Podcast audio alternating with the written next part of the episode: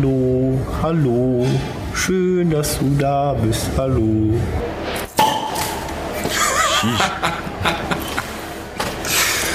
Ach, das klingt lecker. Nein, so nah am Mikrofon. Es tut mir leid. Oh, das war ein Traum. Ja, was?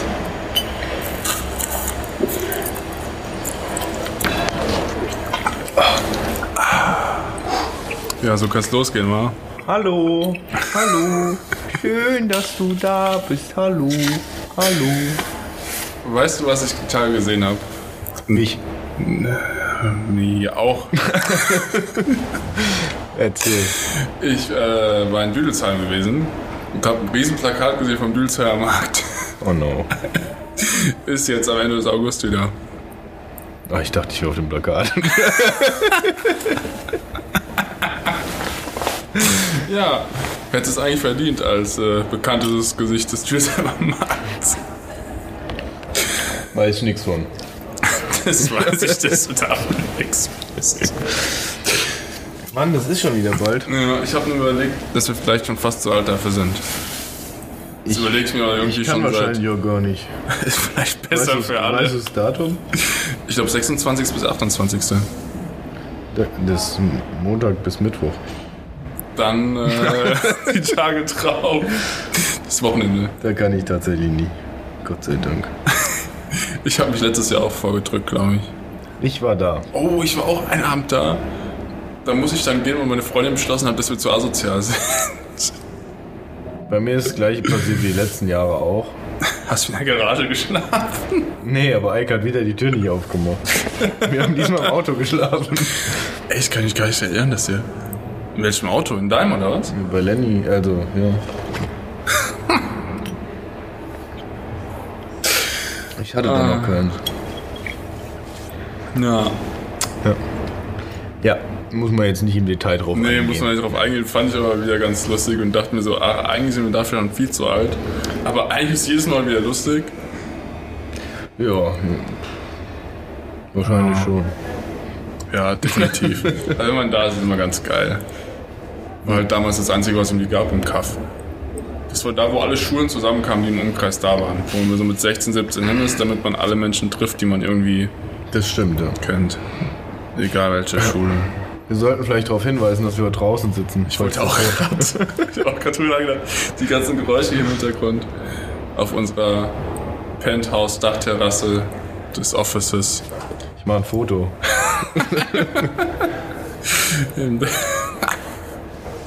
ja, genau. Vielleicht setze ich die Koffer, also ich nur noch halb so bescheuert aus. Das sieht schon sehr gut bescheuert aus. Danke.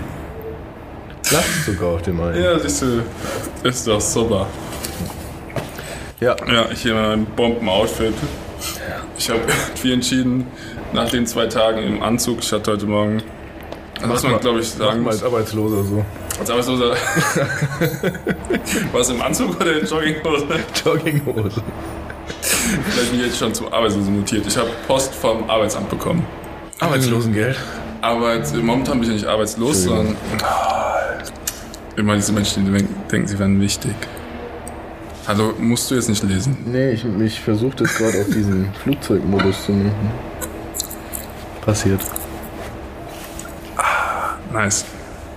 Ähm, Arbeitslosen. Ich bin arbeitssuchend offiziell. Ah, hast ja noch einen Job. Ja, eben. Ich bin ja noch. Also was man sagen muss, äh, Jol und ich Fang vielleicht mal von vorne an. äh, zw- seit 22. Juli bin ich offiziell freigestellt und habe jetzt ganz viel Zeit zum Job suchen, weil mein Vertrag nicht verlängert wird, der im 17. September ausläuft. Also heute in fünf Wochen. Sechs. Ah, Wie kam es dazu? das, So, als Interviewpartner. Ich glaube, da müssen wir nicht zu sehr drauf eingehen, war halt so befristeter Vertrag. Die Agentur und ich haben uns unterschiedliche Sachen vorgestellt, beziehungsweise die Agentur hat mir gar nicht die Option gelassen, irgendwie irgendwelche Vorstellungen zu äußern, sondern die haben gesagt, sie möchten sich gern trennen oder den Vertrag nicht verlängern. Und ähm, ja, ich glaube, dabei kann man es belassen. Wir sind im Guten auseinandergegangen. Wenn die Nachbarn in den Untergeschossen in billigen Etagen wieder rumrödeln müssen, Alter. Geht das vom Ton, ja? Ah, ich weiß es nicht so. Also du bist ganz gut, aber bei mir Ist, ja, fertig. ist vorbei, meinst du? Ich frag mich nur. Ja, doch, wird schon passen. Soll ich mal noch am Ausschlag gucken? Ja, guck mal nochmal. Ausschlag, was für ein Hautausschlag so macht. Nicht deiner. Deinen kenne ich schon, den Hautausschlag. Was bist du? Ich bin rechts-links. Ist ganz okay, oder? Das ist bei minus 18, ich muss immer um die pushen. Bei mir ist 18. La, la, la, la, la. Ja, besser? Ja, keine Ahnung, was soll ich erzählen von meinen Arbeitslosen halt? Ja, gut, okay. Ich höre ich auf jeden Fall bombastisch. Das ist schön. Ja. Brauchen zwei Mikrofone oder Lavaliers. Ich glaube, Lavaliers ist die Lösung. Kann man durch die Gegend laufen. ähm, ja, im guten Getrennt, würde ich behaupten. Und, ist doch schön. Ähm, tja, jetzt bin ich auf der Suche nach neuen Jobs oder nach einem neuen Job. Wir haben mir überlegt, irgendwie mit Starsquare bin ich irgendwie noch nicht bereit, fühle ich mich noch nicht bereit, für, weil ich noch ein bisschen was lernen will. Mm, Und bewirb mich jetzt wieder komplett auf Bewegtbild. Also Creative Production, Producer, Herstellungsleiter habe ich zwei Bewerbungen draußen. Ja, Marketing habe ich jetzt ein paar Sachen rausgesucht. Das Ding ist halt, in Frankfurt gibt es nichts mit Bewegtbild. Da ist halt einfach nichts Geiles dabei, weil Kunden nicht so groß sind, dass sie eine eigene Bewegtbildabteilung haben. Agenturen in Frankfurt auch immer kleiner werden anstatt größer. Und da muss man jetzt einfach gucken. Und ich habe mich für Düsseldorf, Köln, Hamburg und München entschieden. Stuttgart und München gibt es noch ein bisschen was, aber Berlin. Berlin. Oh, Ist gerade nochmal. habe ich München gesagt? Nee, München will ich nicht. Also Berlin, Hamburg, Düsseldorf, Köln könnte ich mir vorstellen. München und Stuttgart fällt für mich rein wohnungstechnisch raus irgendwie. Stuttgart bin ich nicht mehr gerne gewesen. München bin ich ganz gerne zum Besuchen, aber da wohnen könnte ich mir nicht vorstellen. Ja, da bewerbe ich mich gerade. Ich habe jetzt irgendwie mittlerweile 15, 16, 17 Bewerbungen draußen. Komme jetzt auch nach und nach zurück. Bin jetzt seit zwei Wochen dabei. Und ist schon ganz cool. Also was halt schön ist in der Agenturwelt oder auch in der Medienbranche generell, die Rückmeldungen sind relativ schnell. Also ich bekomme meistens nur nach einer Woche Rückmeldung und auch sehr persönlich. Also Mhm. Hast es du dich auf ausgeschriebene Stellen beworben oder auf. Initiativ. Eigeninitiative. Ja, eine Initiativbewerbung habe ich gemacht, weil ich die Filmproduktion ganz geil finde. Aber sonst habe ich mich eigentlich nur immer auf Bewerb also auf Jobs beworben, die ausgeschrieben sind. Was glaube ich schon mal ein ganz guter Vorteil ist und auch irgendwie die jeden Fall. Erfolgschancen ein bisschen erhöht. Ja, und da bin ich dann morgen in Hamburg, gucke mir eine Filmproduktion an oder die gucken sich mich an, je nachdem, wie man es sieht.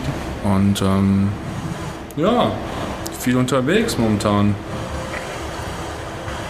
Ja.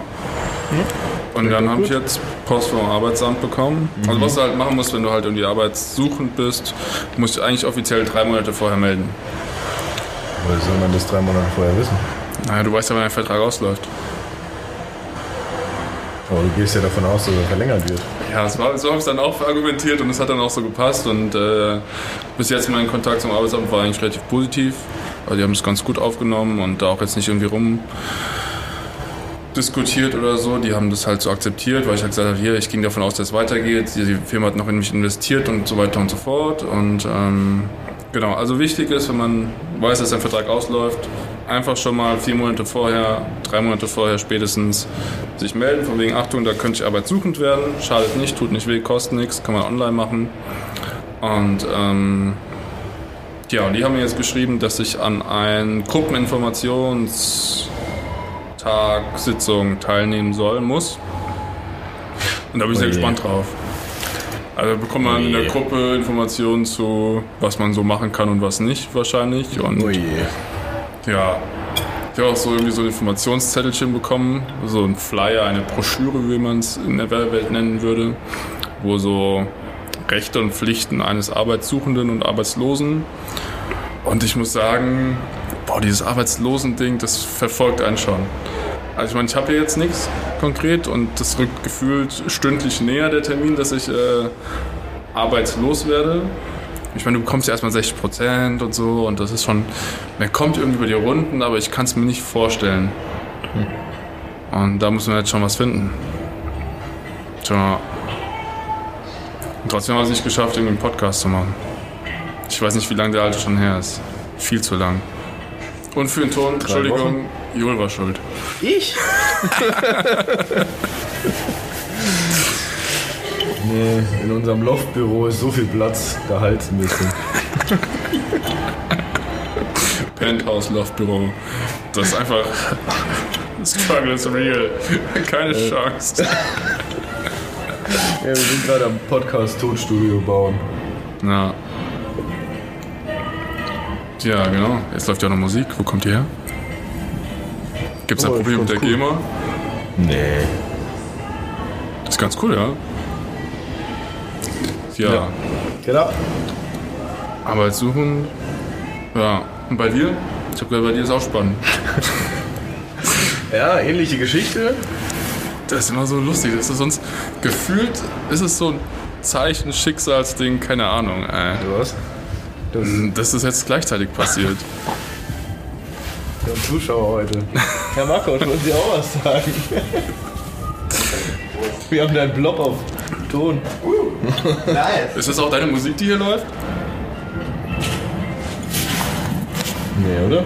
Die Musik kommt Ich glaube, das ist Bauarbeiter. Jingle. Ah ja,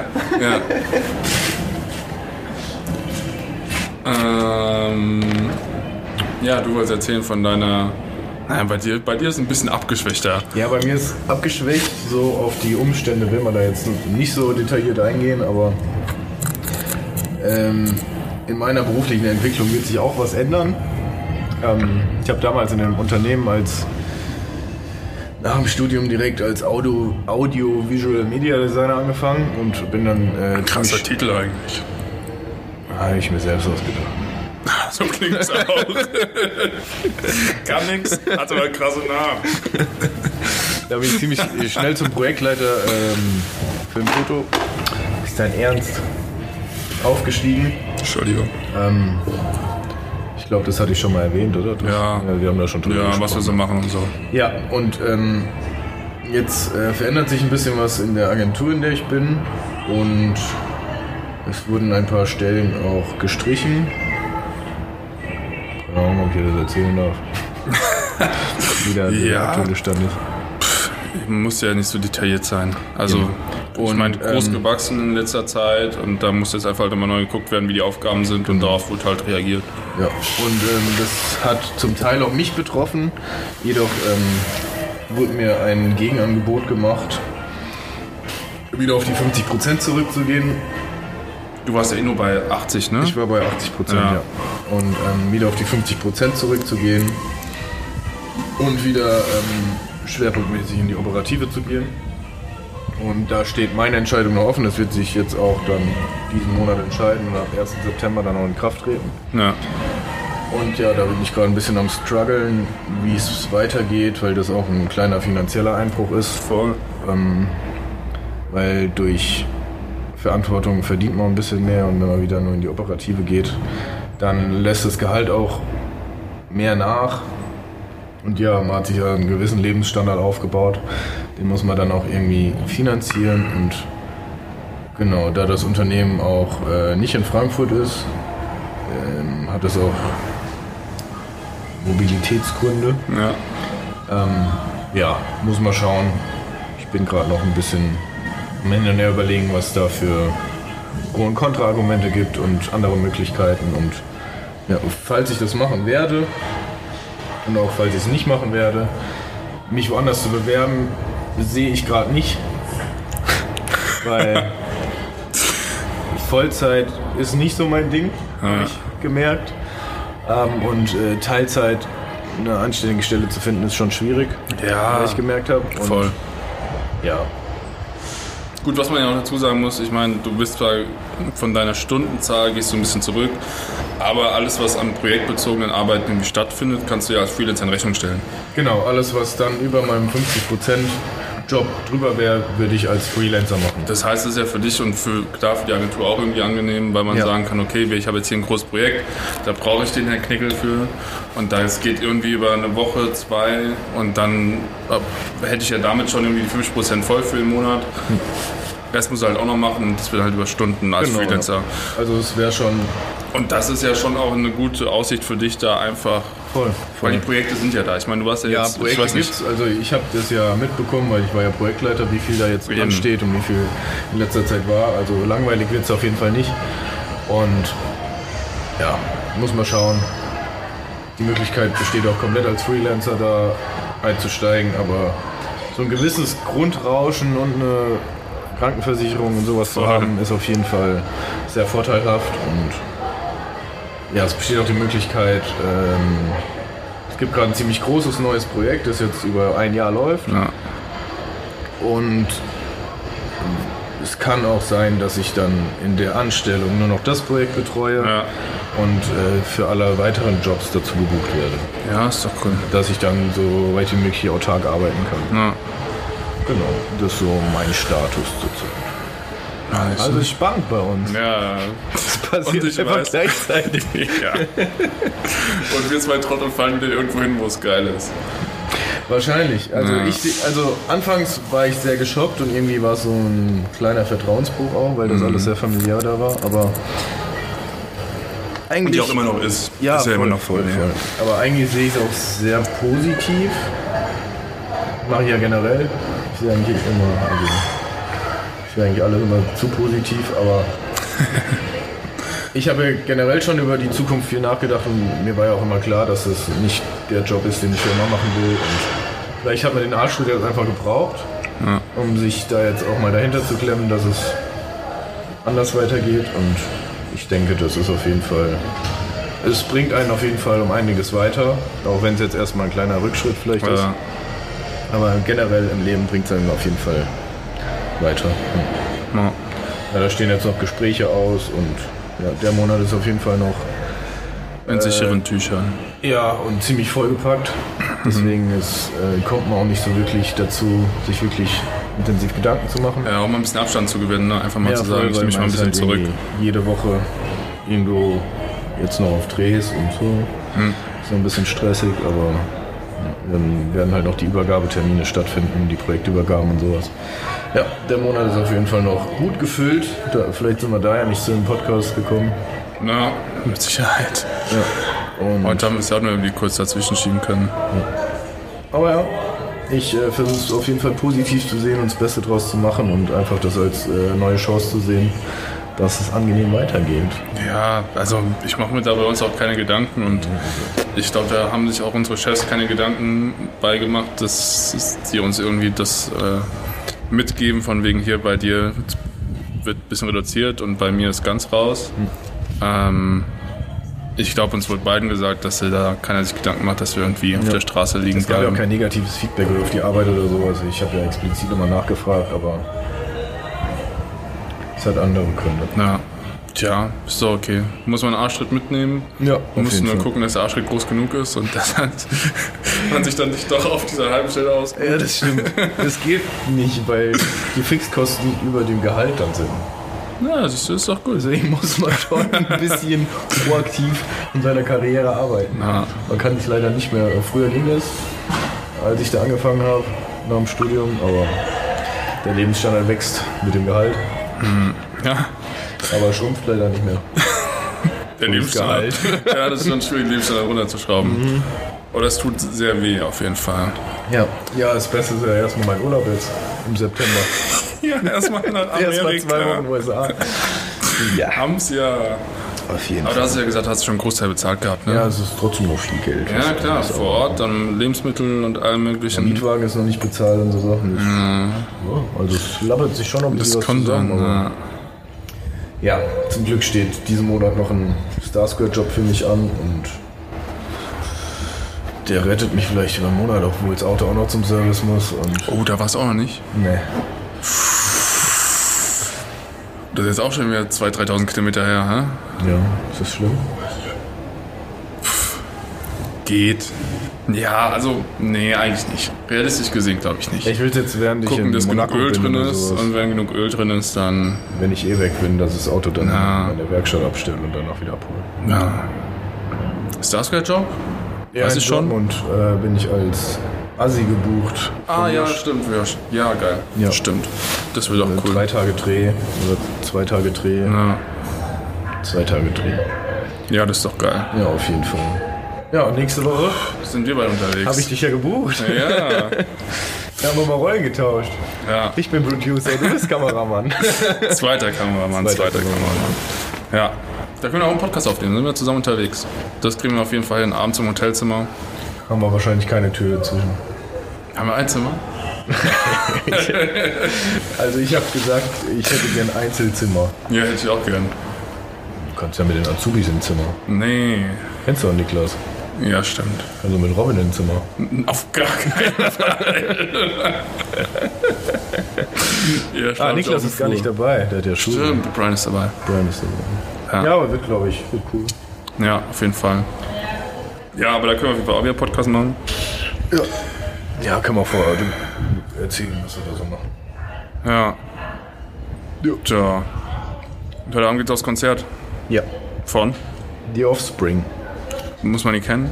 Also sind die bekannt? Ich kenne sie Das nicht. ist schon bekannt. Ja. Wo spielen die? glaube ich. Äh, in der Festhalle. Ah, krass. Ja, okay, dann sind die schon ein bisschen bekannter, wenn ja, und Festival auch schon spielen. länger ausverkauft und so. Geil. Ja. Zu zweit geht ihr hin. Ja. Äh, was ist denn das? Punkrock oder sowas? Schätze ich. ja, ich habe gemerkt, ich war letzt bei The Prodigy und bin halt hingegangen, habe gemerkt, ich kenne das neue Album nicht, ich kenne nur Ja. die Lieder von früher, das ist bei der Band genauso. Ich Aber habe haben letztes die Mal viel reinge... altes Zeug gespielt? Ja. Prodigy? Also ja? schon die Klassiker haben sie schon gespielt. Na, cool. Bei die Offspring, also ich kenne auch nur die alten Alben, die haben jetzt Na. ein neues Album, aber ich kenne kein einziges Lied. Und das war also meine Teenie-Zeit, da habe ich sowas gehört. Ja, aber ich freue mich, wird lustig. Geil. Ja, ich war ja bei Rammstein gewesen, das war schon auch krass. Ich Also da die glaub ja. Bühnenshow, das war schon, also da war schon Wahnsinn, dass man das mal miterleben konnte. Ich habe jetzt gehört, die spielen jetzt nochmal zweite Stadiontour nächstes Jahr. Die haben das Geld gerochen wahrscheinlich, die dachten, naja, Naja, die LKW so stehen wie eh noch da. ausgebucht Das war. Ja, das war ja krank. Können die die werden schon es nochmal ausbuchen. Und die LKW stehen da und die Bühne. Ich weiß nicht, ob sie mal eine neue Bühnenshow machen werden. Die werden das eins zu eins nochmal so machen. Die Das Leute heißt, das trotzdem rechnet hingehen. sich richtig. Ja, def- ja, auf jeden Fall. Ich meine, es sind ja so viele nicht hingekommen, die irgendwie hin wollten. Und es lohnt sich auch. Alle, die nicht da waren, hin da. Ja, jetzt auch Metallica Ende des Monats in der SAP Arena. Ah, Hätte ich krass. auch mega Bock, aber Aber auch ausverkauft, Oh, oder? ich habe keine Ahnung. Bestimmt. Aber Oh. hast ich doch bin leider Kontakte. nicht da. Ja, Ah. bin ich da. Sonst wäre ich sehr gerne hingegangen. Obwohl, der 25. Doch, nee, der 25. Schau mal im Kalender. Schau mal in den Kalender. Oh krass, da bin ich da. Tja, siehst du, sollst du deinen Kontakt immer spielen lassen, ne? Eventuell gehe ich dahin. Also Metallica Live ist, äh, würde ich mir auch als Nicht-Fan durchaus angucken. Ja. Aber das muss auch schon heftig sein. Ja, SAP Arena ist auf jeden Fall auch cooler als die Festhalle in Frankfurt.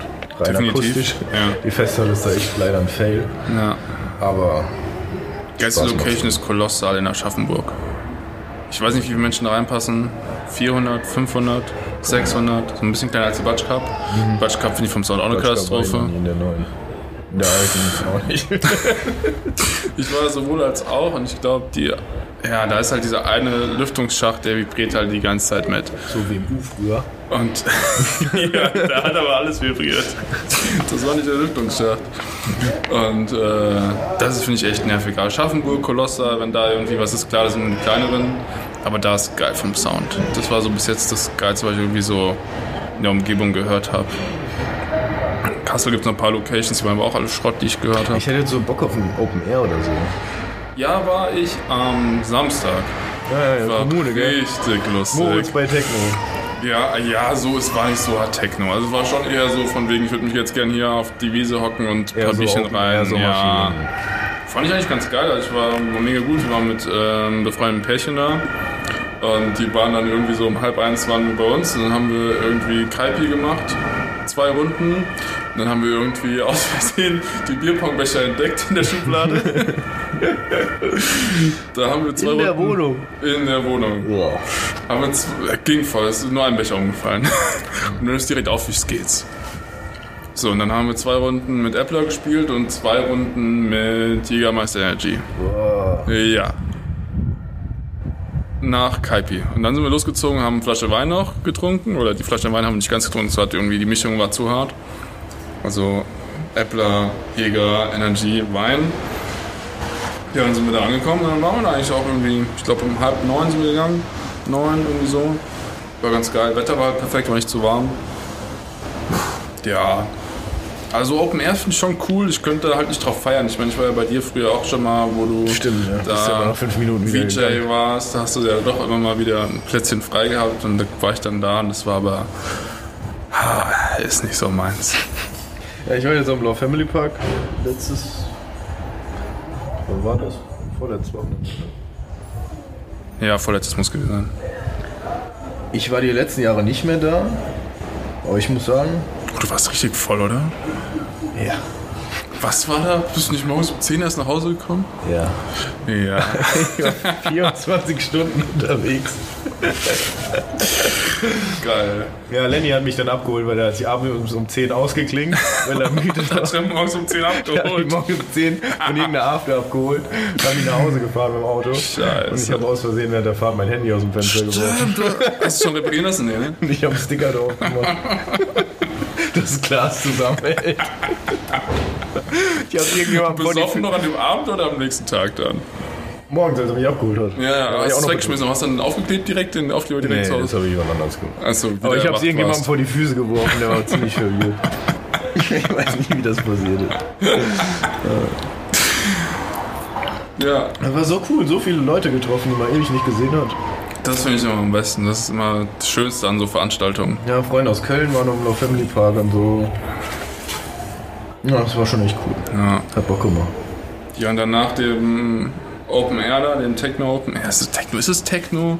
Ja, so Tech House. Ja, so eher irgendwie. entspannt, Ja. Ähm, und nach feuchtfrühem Alkoholkonsum war ich dann am nächsten Tag golfen. Hast einen Ball getroffen. Ja, war ganz geil. Also ich habe ja einen Golf-Schnupperkurs gemacht. Ging über zwei Stunden und es hat schon Bock gemacht. Also ich überlege jetzt schon, äh, mich für den für die Platzreife anzumelden. Ja, ich nicht. Na. Nach meiner letzten Golferfahrung. Weißt du, was Eikes Gibt es da ein Geburtstag? Bild von? Von deinem Schaden? Ich glaube ja. Ja, ich glaube, ich, glaub, ich habe Lenny sogar eins geschickt. Ja, Ja, muss der ich da mal drin gerade gucken. abgeht, wie. Was macht Der der? feiert schon vor. Getanzt gerade. Ähm, ja, ich Tja, habe das ist auf hab jeden den Fall ein Ball gutes Bild. so schief getroffen, dass der direkt gegen mein Fußgelenk geknallt ist. Und am nächsten Tag war es komplett blau und man hat einfach den Abdruck von, den, von dem Ball, also diese kleinen Punkte auf meinem Fußgelenk gesehen. Dann habe ich aufgehört. War mir zu doof. Ah. Ja, nee, das ist nicht mein Sport auf jeden Fall. Ja, doch, hat schon Bock gemacht. Wir haben also, war echt so, dass du vom Putten, also auf diesem Grün, bis dann wirklich, wir haben dann auch mal auf ein Ziel geschlagen und dann auch eingelocht zum Schluss, war schon, hat schon Bock gemacht. Ja. das werde ich mir auf jeden Fall angucken. Das ist halt, geil ist halt, ist halt auch ein Sport, den du halt unabhängig von festen Uhrzeiten machen kannst. halt Das ist jetzt nicht so ein Verein, wo du zum Training gehen musst. und Genau, sowas. du bist halt nicht irgendwie dienstags und Donnerstag von 19 bis 21 Uhr irgendwie geplant, wo dann, keine Ahnung, morgen bin ich zum Beispiel in Hamburg, da will ich es auf keinen Fall schaffen. Dann bist du dienstags da, dann musst du doch mal länger arbeiten. Das schaffe ich einfach nicht. So, ich habe Sportstudio, hast ein mit deinem Sportstudio. Ja, im September habe ich Zeit. Kein Geld mehr, aber Zeit. Du wolltest auch mal vor einem halben Jahr dich schon melden bei McFit, so lange oder? ist es jetzt auch nicht hin. Lass es vier Monate sein. Was ist bei dir noch? Fitness Zwei Monate. First oder so?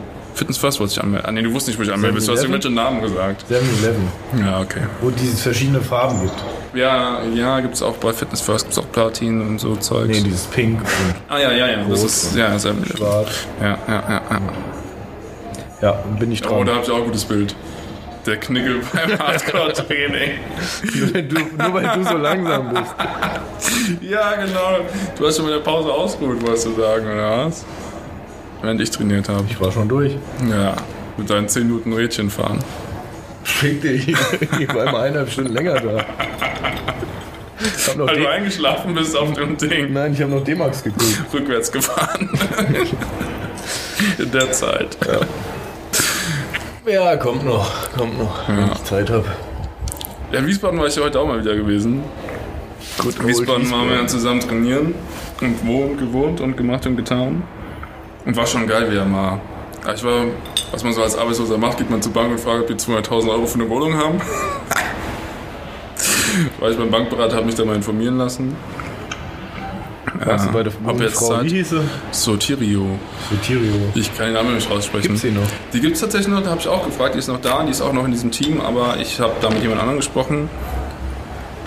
Aber ja, also ich war da immer mega happy und die waren ganz cool drauf und wir haben immer ganz easy darüber gesprochen, wie sowas abläuft, weil ich ja auch gar keine Ahnung hatte und dann Willst du ja eine kaufen? müssen wir oder was? gucken. Ja. Und die dann vermieten. Also nicht selbst drin wohnen, sondern vermieten. Wo? Hier? Rhein-Main-Gebiet, ja.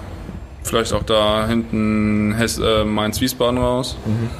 Müssen wir mal gucken. Was noch ganz geil wäre, wäre Erfurt. Das soll noch ganz gut kommen. Mhm. Jetzt so von infrastrukturmäßig. Ja, ist, Noch nie. doch war ich schon. Das ist eigentlich ganz cool und die bauen da relativ viel. Das ist so eigentlich Leip Leipzig gehört zusammen.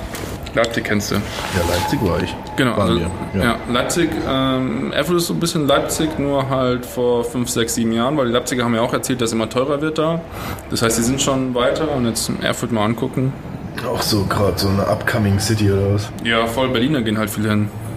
Also viele Berliner gehen wohl nach Leipzig und so und da ist jetzt wohl schon, geht's wohl gut rund in letzter Zeit. Tja, und dann war ich ja eh in Wiesbaden, weil da der- die Bank war und ähm, bin ich mal durch die gute alte Velvetstraße gefahren, habe festgestellt, dass sie halb zur Fußgängerzone gemacht haben. Und die Cafés und so, das hat schon alles da irgendwie ein bisschen an Charme verloren, aber an Moderne und Stadtleben gewonnen. Okay. Also ist schon eher so Innenstadt-Feeling mittlerweile und auch die, was ich mir halt von Kiosk, Kiosken, Babys. Spedis, äh, haben jetzt auch alle so Tische draußen und Schirme und Klingt ja eigentlich ganz cool. das ist ganz geil. Was ist denn hier los, Alter? Reißt nicht Haus ein oder was? Ist ja noch Viertel vor sechs. Also, Tja, Viertelstunde haben wir, noch, dann wird aber der Laden dicht gemacht. Ja, So.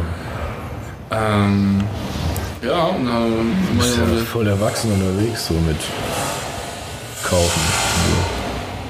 Tja, ja, ob das was wird, weiß man nicht. Ich wollte mich jetzt mal informieren und werde mir jetzt auch mal ein paar Dinge angucken, einfach um ein Gefühl dafür bekommen und belese mich auch viel. Und weil das ist halt schon eine Investition, ne? die du halt jetzt nicht irgendwie für zwei Jahre irgendwie mal hast, sondern die hast du halt.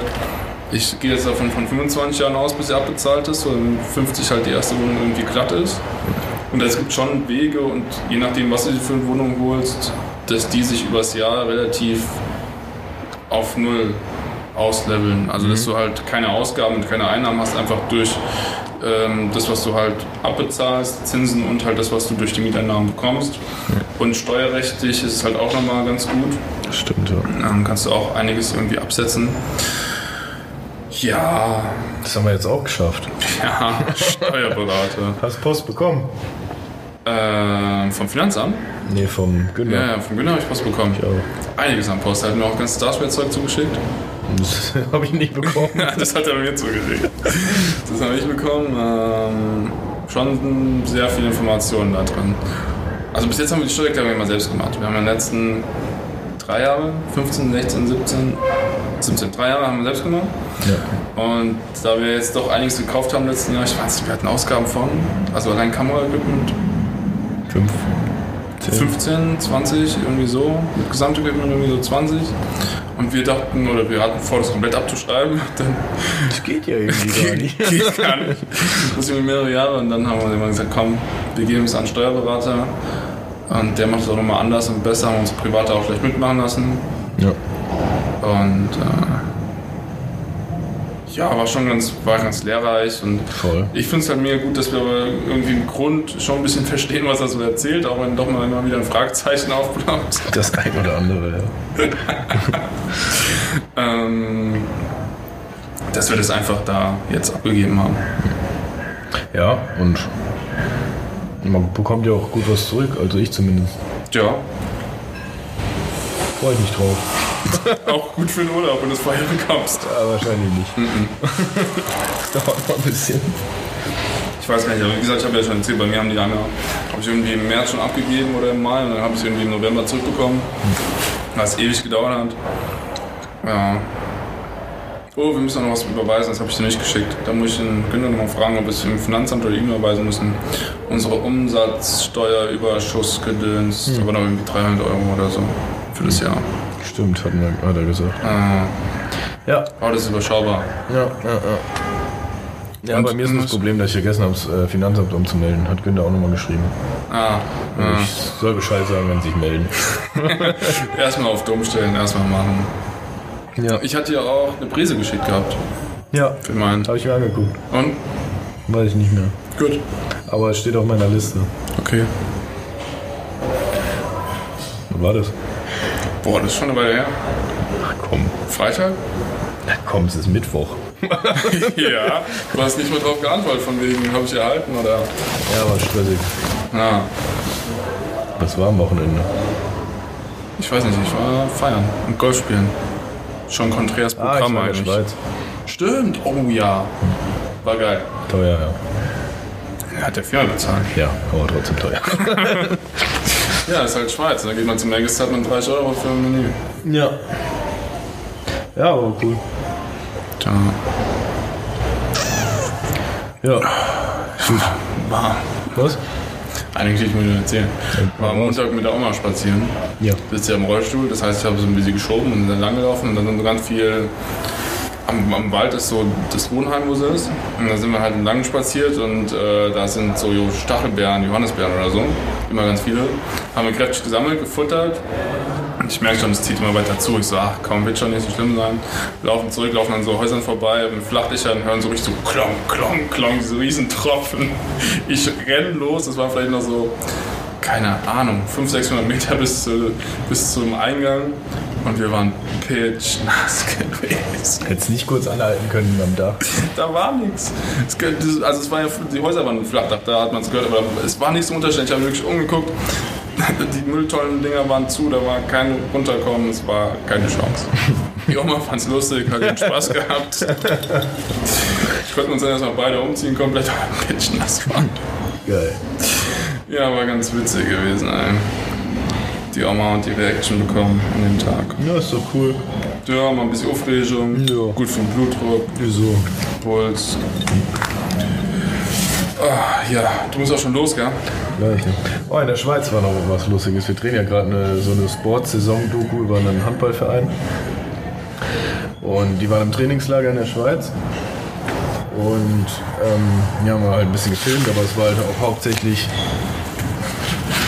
Was quietscht? Weiß nicht, ich habe nur gehört, ob ich süchtig überhaupt. Hörst du mich? Hallo. Moritz? Moritz? Ja, wir haben, das Trainingslager, äh, Trainingslager war halt auch hauptsächlich dazu da, um halt mit dem Team so ein bisschen näher zu werden, also eher freundschaftlich das Ganze aufzubauen, dass halt die Kamera auch eher akzeptiert wird und wir auch eher akzeptiert werden, so für die Saison, sind ja jetzt noch am Anfang der Saison. Und die hatten dann halt noch ein äh, Sch- Testspiel am Samstagabend. Und ähm, dann mussten sich halt die vier Neuen danach so im Zusammentreffen verkleiden, was ganz lustig war. Und dann sind wir aus dem Meeting sozusagen zum äh, Teambus gegangen, weil wir in die Stadt gefahren sind zum Essen. Und einer halt mit Perücke und der andere mit einer Krone auf und der andere mit einem Baguette und einem Schwert und sowas, weil der aus Frankreich kommt und immer so. Und dann sind halt also die Fans angerannt gekommen Also schon ein bekannterer Club. ja, ja, also ja, auf jeden Fall. Einer ist auch aus der Nationalmannschaft und sowas. Also die sind schon sehr bekannt. Ja. Es waren auch in der Schweiz so viele Fans von denen da, was ich krass fand. Und dann sind auch die Fans angerannt gekommen, wollten alle Autogramme von der mega lustig und dann sind wir halt in die Stadt zum äh, Essen gefahren. Und dann haben wir, wir die erstmal hinsetzen lassen und haben uns dann als letztes hingesetzt. Dann haben wir halt natürlich an der Spitze vom Tisch gesessen. und dann Also auch kam sein halt als Vorteil, zuletzt Fans sich zu ran. setzen. und die kamen dann halt immer als An den Esstisch, echt? ja, ja, also es waren halt auch kleine Kids und Ah, sowas. Und die kamen dann halt an den Tisch zuerst zu uns und kamen dann so und wollten Autogramme haben und es war so lustig. Wir haben alle so gelacht, weil die, das Filmteam zuerst nach Autogrammen gefragt haben und so. Es war, ja, es war ein sehr lustiger Abend. Aber die Stimmung ist gut und ihr seid Ja, auch gut voll. an die rangekommen Ja, und zurzeit geht versteht es halt euch auch noch gut. ganz gut. Ist halt auch wichtig, jetzt die Saison startet erst in zwei, drei Wochen, glaube ich. ah, okay, das heißt, die sind noch relativ Die entspannt. sind noch entspannt und Ja. erstmal jetzt so freundschaftlich so ein bisschen und ähm, so ein bisschen Grundverständnis und sich ein Das bisschen heißt, die kennenlernen. Aufnahmen standen gar nicht so im Mittelpunkt, sondern es ging Genau, wirklich ja. mehr ums also Wir haben auch Kennenlernen. viel coole Aufnahmen, so Ja. ein bisschen, den Abend haben wir schon ein bisschen gefilmt, weil es auch wichtige Aufnahmen sind, aber es ging schon hauptsächlich darum, die Leute kennenzulernen und gegenseitig so ein bisschen kennenlernen. Und ja, bevor die Saison stressig wird und die eher fokussiert sind, dass man da schon fast unsichtbar ist mit der Kamera. Ja, und er als mega. Teil des Teams ist. Ja, das war so eine ganz lustige Story. Cooles Bild. Genau, that's it. Das Bier drückt auf die Blase und ich muss gleich Ah, auf ein deswegen guckst Konzert. du so nervös. Du warst doch vorher schon auf dem Klo. Ich, ja, das ist auch schon das dritte Bier. Wie erzählst du die ganze Zeit, dass du es schaffst? Mach ich. Ja, als ich kam, hast du gesagt, du guckst YouTube-Videos. Na, ich hab... Recherche oder was? Ja. Ja, genau. Ja, ist so. Ich habe Ja. eine Doku über Handball seit 1917 bis 2017 geguckt. 1917 wird Und äh, gegründet. daran orientiert euch jetzt ähm, vom Kamerastil aus dem Material von 1917. Ja, so ein bisschen crany. Bisschen Also verwackelt. Filmaufnahmen, so Riesenkameras, nicht so viel Schwarz-weiß. bewegen. Ja. Das klingt nach einem spannenden Ding am Ende. Außer Aufnahmen, die irgendwie eine halbe Stunde stehen, eine Ansicht. Ja, eine totale Eine vom Einstellung. Spielfeld und das Ja, Spiel wird komplett fertig. in die Doku reingepackt. Ganz spannend war. Auch ohne Kommentar. Ohne Musik. Einfach tonlos. Eigentlich eine ganz geile Installation.